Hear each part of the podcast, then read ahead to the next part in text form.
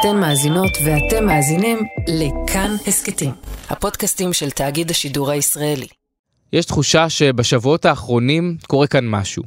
משהו חמור ומטריד.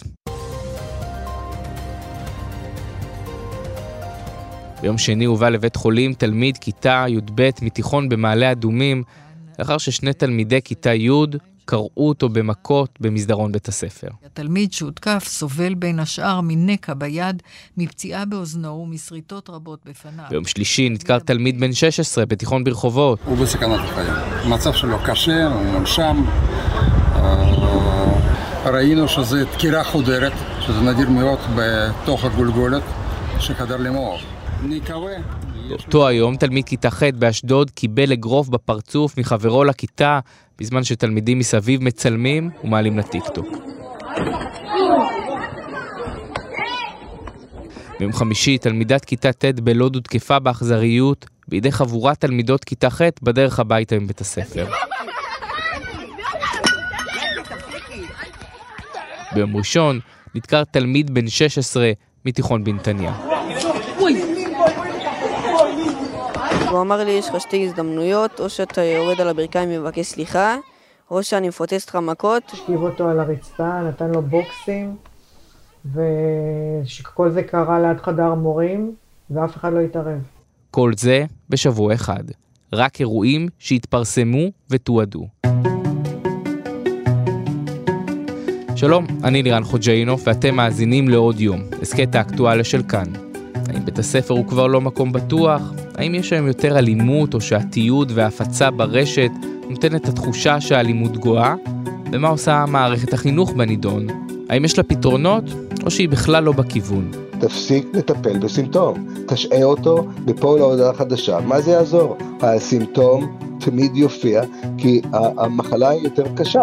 זה הפרופסור תום גומפל, מבית הספר לחינוך באוניברסיטה העברית. תכף נדבר איתו וננסה להבין את התופעה הרחבה, מאיפה זה מגיע, וגם מה אפשר לעשות בנידון, רמז לא מה שעושים עכשיו, אבל עוד קודם ניכנס רגע למסדרון של אחד מבתי הספר. במקרה הזה, אורט שפירא בכפר סבא. נדבר עם ליה שי, תלמידת כיתה י"א, נשאל אותה איך זה נראה מהצד שלה. היי ליה. שלום. את מרגישה מוגנת בבית הספר? כן. אה, אני חושבת שבית ספר אמור להיות מקום שאתה תרגיש בו בטוח ושיהיה לך נוח בו, וגם אם יש עימותים לפעמים או כל דבר כזה או אחר, כן אני מרגישה מוגנת. אני מתאר לעצמי שנחשפת ככה בימים האחרונים, בשבועות האחרונים, לגל האלימות במערכת החינוך. כן, אני באמת, אתמול גם היה עוד מקרה, וגם לפני שבוע ברחובות, וזה מחריד, אני כל כך הזדעזעתי, באמת, מזעזע לראות את זה. שתפי אותי קצת על החוויות האישיות שלך.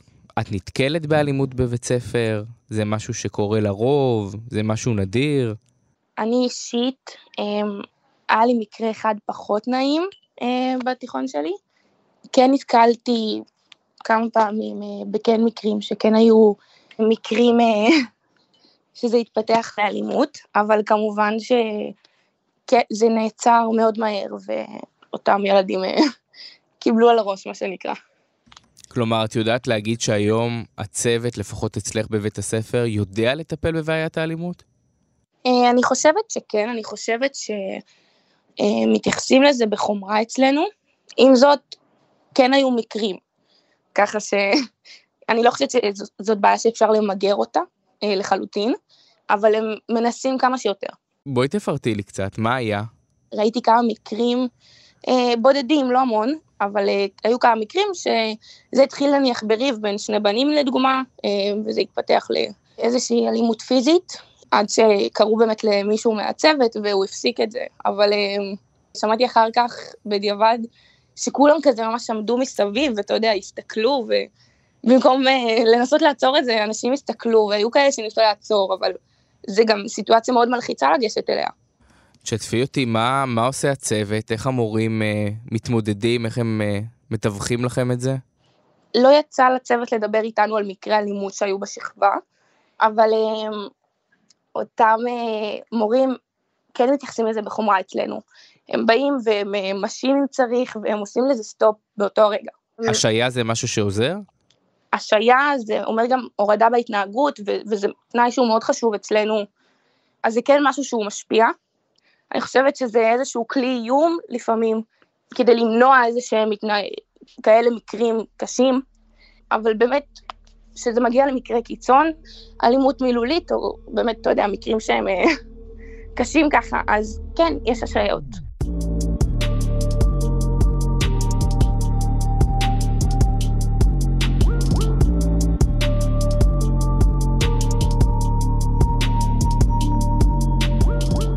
את גרה בכפר סבא, יכול להיות שיש כן. יותר אלימות דווקא במקומות אחרים שהם לא כפר סבא, רעננה, צפון תל אביב? חד משמעית. אני חושבת שכמו ששמענו, יש ערים שלצערי זה עוד קיים אצלהם מקרים כל כך אה, קשים של אלימות ודקירות, ואני ויש איזה חשש שזה יגיע גם לבית ספר שלכם? לא חושבת, כי אני, אני כן חושבת שהצוות פה וגם התלמידים פה, רובם, כמעט כולם פה, מאוד איכותיים. זה בית ספר שהוא מקצועי, הבית ספר שלנו. ויש עליו תנאים אה, קצת אה, יותר גבוהים כדי להתקבל. אז בכל זאת, מה את חושבת גורם לבני נוער כתלמידה בכיתה י"א, לבני נוער בערים אחרות, כן לפעול בכזאת אלימות? איך זה בכל זאת קורה? הכל מתחיל ומסתיים מחינוך שאתה מקבל מגיל צעיר, מדרכי פעולה. מספיק שילד, כשהוא היה קטן, והוא עוד למד איך אה, להתנהל, הוא הרביץ, ולא באו ואמרו לו, זה אסור, אז זה מה שהוא ייקח לאבא, זה איך שהוא ילמד ו- ויפעל בעתיד. וזה באמת איך שאנחנו רואים את זה כיום. יש עוד מקרים שבהם באמת ההורים, החינוך לא, לא תלוי בזה. אולי זה תלוי מסגרת, אה, אולי זה תלוי בחברה, אה, אבל זה באמת איך שהחברה היום אה, מראה דברים ומלמדת דברים, ולצערי זה איך שבני נוער אה, לפעמים בוחרים להתנהל. כלומר, את מרגישה שיש גם אלימות במרחב הציבורי, בחוץ, וזה נכנס גם לתוך מערכת החינוך, לתוך הכיתה שלכם? זה גיל שהוא מאוד מאוד קריטי, זה גיל שאתה מאוד, אתה נהיה פתאום אדם בוגר, אתה לומד איך להתנהל לבד בתור עצמאי, ואתה גם מאוד אה, רוכש כלים והתנהלויות והתנהגויות מהסביבה ומהתקשורת ומכל מקום בעצם. אז בואו נדבר על מה בני הנוער רואים. אני מוכרח לומר שאני נמצא לא מעט בטיקטוק, ואני בטוח שגם את ורוב חברייך. יכול להיות שמה כן. שהם רואים בטיקטוק, ויש גם דברים טובים, אני מודה, אבל יש גם דברים יותר אלימים, יותר קשים. יש את הרצון לעשות אתגר, יש את הרצון להפריע למורה, יש את הרצון לצאת גבר כדי לצא, ללכת ולצלם את זה ולעשות דווקא ולהרביץ. יכול להיות שפה הבעיה? אני חושבת שיש לזה חלק אה, לא, לא קטן, אני אגיד את זה ככה. טיק טוק, כל רשת חברתית כזאת או אחרת שמאוד אה, בחיי היומיום של אה, בני נוער, שלנו, של כולנו, רשת שמכילה המון תכנים, כמו שאמרת, חלקם טובים ומחנכים ובאמת סתם לכיף ולצחוק, וחלקם פחות. יום ראשון שלזרוק חפצים רנדומליים על החבר שלי בבית ספר. יש גם פעמים שמתחילים טרנדים שהם מאוד מזיקים ולפעמים מאוד מסכנים גם. בני נוער שרואים את זה, רואים את האלפי לייקים שבני נוער אחרים מגיעים אליהם, שהם עושים את האתגר הזה או את הדבר הזה, ו... וזאת התוצאה. ליה, המון המון תודה, תודה לך, ובהצלחה בבגרויות, ושלא תחווי אלימות בבית ספר. אמן.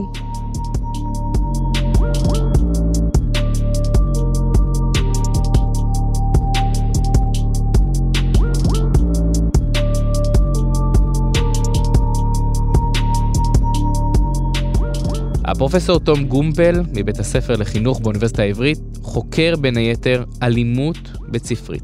שלום פרופסור גומפל. שלום וברכה. אני חושב שאי אפשר להתעלם ממה שקורה כאן בשבועות האחרונים. אני ככתב חינוך, יצא לי לראות כל כך הרבה סרטוני אלימות. אה, הסתדרות המורים משביתה כמעט כל יום גן או בית ספר אחר בגלל אירועים של אלימות. אפשר לומר שזו תופעה שהולכת וגוברת, תופעת האלימות? תראה, אני לא בטוח שזו תופעה שהולכת וגוברת, אבל התופעה באמת, היא באה תמיד בגלים, וצריך להתייחס לגלים, אבל זה ברור שיהיו גלים, מכיוון שהטיפול או ההבנה של אלימות של בני נוער בבתי ספר, הוא דורש ראייה מערכתית ומקיפה. הרי אלימות ותוקפנות של ילדים בבית הספר, או בכלל, זה סימפטום של משהו אחר. ואתה יכול או להתייחס לסימפטום, או לנסות להתייחס למשהו אחר. כמובן, אנחנו מודעים לכך שבעיקר אלה שמקבלים את ההחלטות, מעוניינים להתייחס לסימפטום, כי לסימפטום, הסימפטומים הם אלה שמגיעים לכותרות, והסיבה או הסיבות לתוקפנות של בני נוער, הן קצת פחות תופסות את העין. ואולי טיפה יותר משעממות ודורשות עבודה יותר מערכתית ומקיפה. תמיד טוב בשביל המחליטנים להתייחס לכותרות. מה אנחנו יודעים אגב על מגמות של אלימות? אני, יש לי ככה, הצצתי בסקר האקלים שעושה משרד החינוך מדי שנה, הם כן מצאו שבקרב דוברי העברית יש עלייה ברמת האלימות המתונה והקשה בבתי הספר היסודיים, משהו כמו 4 אחוזים, לאחר שהיה ירידה בשנים האחרונות. בחטיבות הביניים ובתיכונים אומרים שיש מגמת התייצבות. אפשר בכלל למדוד אלימות? הסקרים האלה של משרד החינוך הם באמת מהימנים? קודם כל, האם הסקרים האלה מהימנים? התשובה היא כן. השאלה היא, מהימנות זה אומר שאתה בודק משהו ואתה בודק את זה נכון. השאלה היא יותר חשובה אם השאלונים האלה תקפים, אם אתה בודק את הדבר הנכון. אקלים זה לא מילה נרדפת לתוקפנות, לבריונות. אז יכול להיות שהם בודקים אקלים, ואני בטוח שהם בודקים אקלים בצורה מיטבית וטובה. אנחנו מדברים על תוקפנות. תוקפנות ו- ואקלים זה לא אותו מושג. אם יש התייצבות אה, של תוקפנות אצל בני נוער בבתי ספר תיכון, זה לא מפתיע אותנו. אה, אם יש אה, הגברה של תוקפנות ובריונות בבתי ספר יסודיים במגזר היהודי, לא מפתיע אותנו, מה שאנחנו יודעים גם במגזר הלא יהודי, אה, למשל במגזר החרדי, במגזר הערבי, האחוזים הרבה הרבה יותר גבוהים ובעלייה מתמדת. אה, אבל בואו לא נתבלבל בין הכלי ובין תוקפנות, זה שני דברים נפרדים. אז איך אתה בודק אלימות ומה הממצאים שלך? התלמידים במערכת החינוך אלימים? אפשר, אפשר לחשוב שבית הספר הוא או חלק מהחברה או מנותק מהחברה. עכשיו, אנחנו חיים בחברה תוקפנית, חברה עם מעט מאוד יכולת לקבל שונות ולהתמודד עם שונות. כמה מערכות בחירות שעברנו במשך השנים האחרונות, עם ישראל לכל חלקיו לא מאוד טוב בלקבל שונות ולבלום את עצמך מול השונות. הרי אנחנו צריכים לחשוב על, על החברה שהיא מאוד מאוד הטרוגנית, ו, ואז אפשר לחשוב האם בתי ספר הם יותר רגועים מהחברה הכללית, או הם יותר אלימים מהחברה הכללית. אנחנו יודעים ממחקר שבתי ספר הם נוטים להיות יותר רגועים מהחברה הכללית, כי בתי ספר, בית ספר זה מערכת סגורה, אה, ולעומת זאת אה, בישראל שאני גר בה, אנשים אה, דוק, דוקרים אחד את השני בשביל מקומות חנייה, ומקללים אחד את השני ברחוב בקלי קלות. אז אנחנו לא שם בבתי ספר. מה שיותר מעניין אותי הוא יותר מחקרים על מה גורם לתוקפנות אצל ילדים, איך הם משתמשים בתוקפנות, ואפשר לחלק את הילדים לתפקידים שונים, יש את ה... אנחנו יודעים על הקורבן, אנחנו יודעים על התוקפן, אנחנו, אנחנו בקבוצה שלנו בעיקר מתעניינים בצופים מן הצד. ילדים ש... אנחנו בערך 85-90 אחוז מהילדים שצופים ורואים מה שקורה, והם חושבים שעל ידי כך שהם לא משתתפים באופן ישיר, הם לא מעורבים. אנחנו יודעים שלמשל שילדים תוקפנים רואים את הצופים מן הצד כתומכים, והקורבנות רואים את הצופים מן הצד ש... כתומכים אה, בתוקפנות, כלומר היחידים שרואים את עצמם כצופים מן הצד זה הצופים מן הצד, אף אחד אחר לא חושב שזה גורם ניטרל. אנחנו מאוד מעוניינים בלנסות לנבא מה הופך ילד להיות תוקפן או בריון, זאת אומרת משתמש בכוח באופן שיטתי נגד מישהו אחר. ואולי זה יפתיע אותך, אבל הגורם המנבא החזק ביותר אם ילד הופך להיות בריון, הוא זה שהוא גם קורבן. זה המדד הכי אפקטיבי. אז הצורך שלנו הוא לזהות את הקורבנות, כי על ידי כך אנחנו גם מזהים את המבצעים.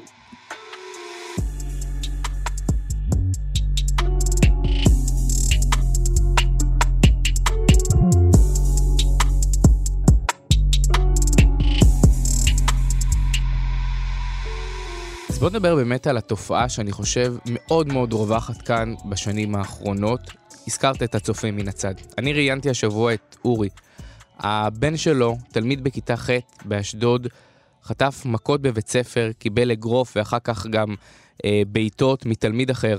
והוא אמר לי משפט מדהים, גם בתקופה שלנו הייתה אלימות, אבל אז באו החבר'ה והפרידו. תראה איזה דור, תראה איזה דור, אני רוצה להגיד לך מילים בוטות, אבל זה דור שאיבד את הכיוון.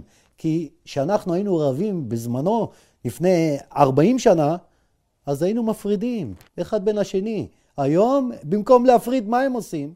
מצלמים, מעלים לרשתות. אתה אה, בחנת את הצופה מהצד, את אותם ילדים שלא מתערבים. זו תופעה שהולכת וגוברת? העניין להעלות לרשתות את אותה אלימות ולתעד אותה ולצלם, זה משהו שגורם ליותר אלימות? תראה, התופעה של הטיק טוק אה, והמדיה החברתית אה, זה דבר שדי נחקר, אה, והוא בוודאי מקושר להסלמה בצורות מסוימות. אני, עם כל הכבוד לאב של ילד שנפגע, שהוא זוכר את הילדות שלו, אני לא בטוח שהזיכרון הזה הוא מדויק. יש הרבה שאולי הפרידו פעם, אבל יש המון שלא הפרידו וגם שהשתתפו. אין לנו עדויות שעכשיו יותר יהיה צופים מן הצד מאשר לפני 20 שנה או 30 שנה. צריך לזכור שתוקפנות בבתי ספר, או תוקפנות אצל בני נוער, זה קשור מאוד למבנה ההיררכי של הסביבה של ילדים. אנחנו רואים תוקפנות כביטוי של מאבק על דומיננטיות אה, בתוך קבוצה, ואתה שם בני נוער ביחד, הם מיד אה, מתארגנים לקבוצות ולקליקות ולתת קבוצות, כי אה, ילדים כמו כל בני אדם, כמו כל בעלי חיים שחיים בלהקה, אנחנו מאוד עסוקים בנושא של היררכיה, מלמעלה ומלמטה. זה מתחיל עם ילדים בסביבות כיתה ב', משהו כזה, וזה נמשך, אה, אני לא יודע מתי זה נגמר, אני בן 63, זה בוודאי לא נגמר בגיל 63. המאבק שלנו על דומיננטיות ומקום שלנו בקבוצה, אה, ובתי ספר אה, זה ארגון שבנוי על היררכיה קשוחה. הרי ככל שהארגון הוא יותר היררכי, מעשי התוקפנות יעלו.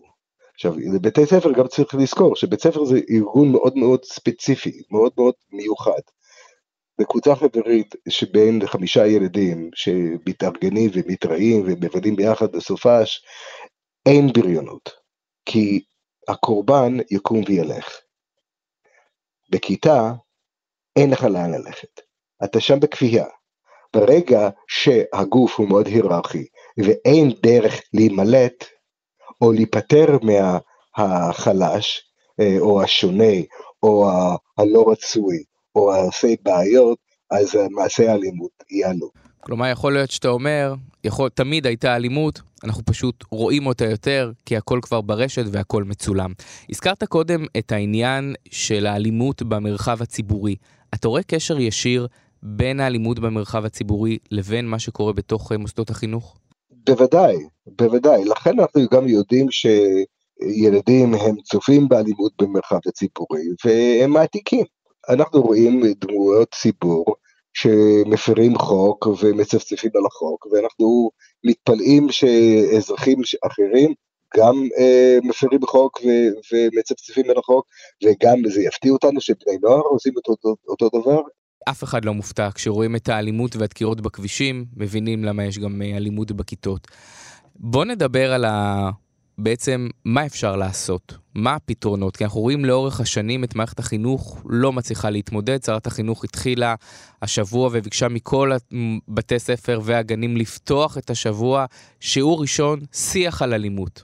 זה הפתרון? בוודאי שלא. אני מברך, צריך לדבר על הדברים האלה, אבל צריך לזכור, אלימות זה סימפטום של משהו אחר, בואו נדבר על המשהו אחר. אפשר לעשות שיחות בוקר, מפה להודעה חדשה, ו- ומה זה יעזור לנו? הרי יש הבדל בפסיכולוגיה חברתית בין מה שנקרא חשיבה חמה לעומת חשיבה קרה. בחשיבה קרה, אתה שואל אותי אם כדאי אה, לדחוף ולצבור בכביש אה, או, או בתוך קהל, כל אחד שהוא רגוע יושב בביתו על, על, על, על הספה, הוא יגיד בוודאי שלא. אבל אה, החשיבה קרה היא לא מנבאת. מה שמנבא זה חשיבה חכמה, מה אתה עושה כשאתה מחומם? אז אתה יכול לנהל אין ספור שיחות עם ילדים, אבל אנחנו יודעים ממחקר, וגם כל בר דעת יודע, שברגע שאתה מתחמם, אתה מאבד את שיווי משקל. אז השיחות האלה הן נחמדות וכיף להם, אה, אולי כיף למורים, אבל בוודאי לא כיף לילדים, כי הם יודעים את הדברים האלה. השאלה היא, אין ילד בעולם שתשאל אותו, אה, האם כדאי אה, לדחוף ולקלל, או להקניט, או לפגוע, או לנגוע במישהו שיושב בבית סביב שולחן האוכל, או בכיתה עם שאר הילדים בשיחת בוקר, אין ילד בעולם שיגיד, אה, אני באמת חושב, אין, אין כמו דקירה, דקירה זה הדבר הכי חיובי בעולם. אז השיחות האלה, בשביל מה? עכשיו צריך לחשוב גם שאנחנו יודעים שכל תוקפן רואה את עצמו כקורבן. כל תוקפן רואה את עצמו כקורבן. אבל בשיחה קרה עם ילדים, הם בוודאי יכולים לנתח. השאלה היא, מה קורה בחשיבה החמה, וכדי להתמודד עם הנושא ההיררכי והנושא של הכשרת מורים, אני יכול להגיד לך שבישראל אחוז הילדים עם הפרעות התנהגות במשך העשור האחרון גדל במאות אחוזים, מאות אחוזים. עכשיו אני יכול להגיד לך כי אני איש חינוך מיוחד, המספר הזה לא אמור להשתנות אף פעם. אה, חצי אחוז פה, חצי אחוז לשם. עכשיו זה גדל, כאשר זה גדל במאות אחוזים, זה סימפטום של משהו אחר. זה סימפטום של מערכת שהיא לא מצליחה להתמודד עם שונות, עם הכשרה מאוד מאוד אה, ירודה של מורים, עם מעט מאוד הכשרה של מורים לא להתמודד עם בעיית ההתנהגות, אלא איך לארגן כיתה, איך ללמד בצורה מעניינת, איך לנתח מה שיש לך בכיתה ולהבין זרמים חברתיים בתוך כיתה. כי אתה מדבר על סימפטומים. עכשיו, לנהל שיחת בוקר, אני עוסק במחקר על אלימות של בני נוער אה, כמעט 40 שנה. אני לא יכול לדמיין לעצמי בדמיון הפרוע ביותר שלי שזה מה שיעשה את זה.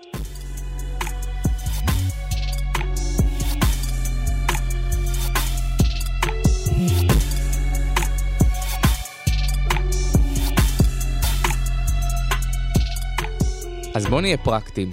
עוד מעט הולך להיות כאן שר או שרת חינוך אה, חדש. מה אתה מציע להם? מה הם צריכים לעשות? אני מציע להתייעץ עם מומחים במקום לעשות דברים פופוליסטיים ושנראים טוב. זה דבר אחד. דבר שני, הכשרת המורים להתמודד עם שונות התנהגותית ולימודית.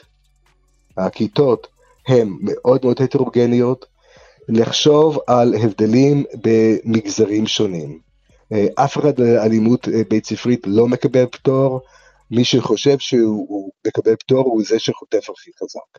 אז אנחנו יודעים על מגזרים שלמים במערכת החינוך שמשרד החינוך ויתר עליהם, ולכן האלימות אצלם היא יותר אה, גבוהה.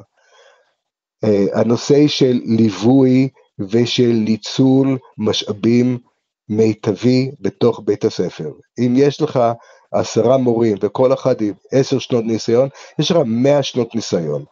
בתי ספר מנצלים את כל מאה שנות ניסיון האלה? התשובה היא בוודאי שלא. להפסיק להביא לבתי ספר יועצים חיצוניים, לטפח את הצוות בתוך בית הספר. הבאת יועצים חיצוניים לתוך המערכת היא מחלישה את המערכת כי המערכת אז לא נאלצת להתמודד בעצמה, כי תמיד יש מומחי שיבואו מבחוץ. אם זה מדריך או פסיכולוג או משהו כזה, הכוח נמצא בבתי ספר לעבוד. צריך לתת למורים את הפורום ואת האפשרות לעשות את זה. אז אלה כמה דברים שהייתי עושה. הדבר ראשון, הייתי מנסה לא להיסחף לכותרות ולעבוד אה, בצורה שיטתית ומבוקרת. אתה אומר לא מספיק רק להשעות את התלמיד אה, לשבוע, האלימות חוזרת וזה הכל עניין אה, גם אה, של חינוך והמקום שממנו התלמיד בא. פרופסור תום גומפל, תודה רבה. תודה לכם.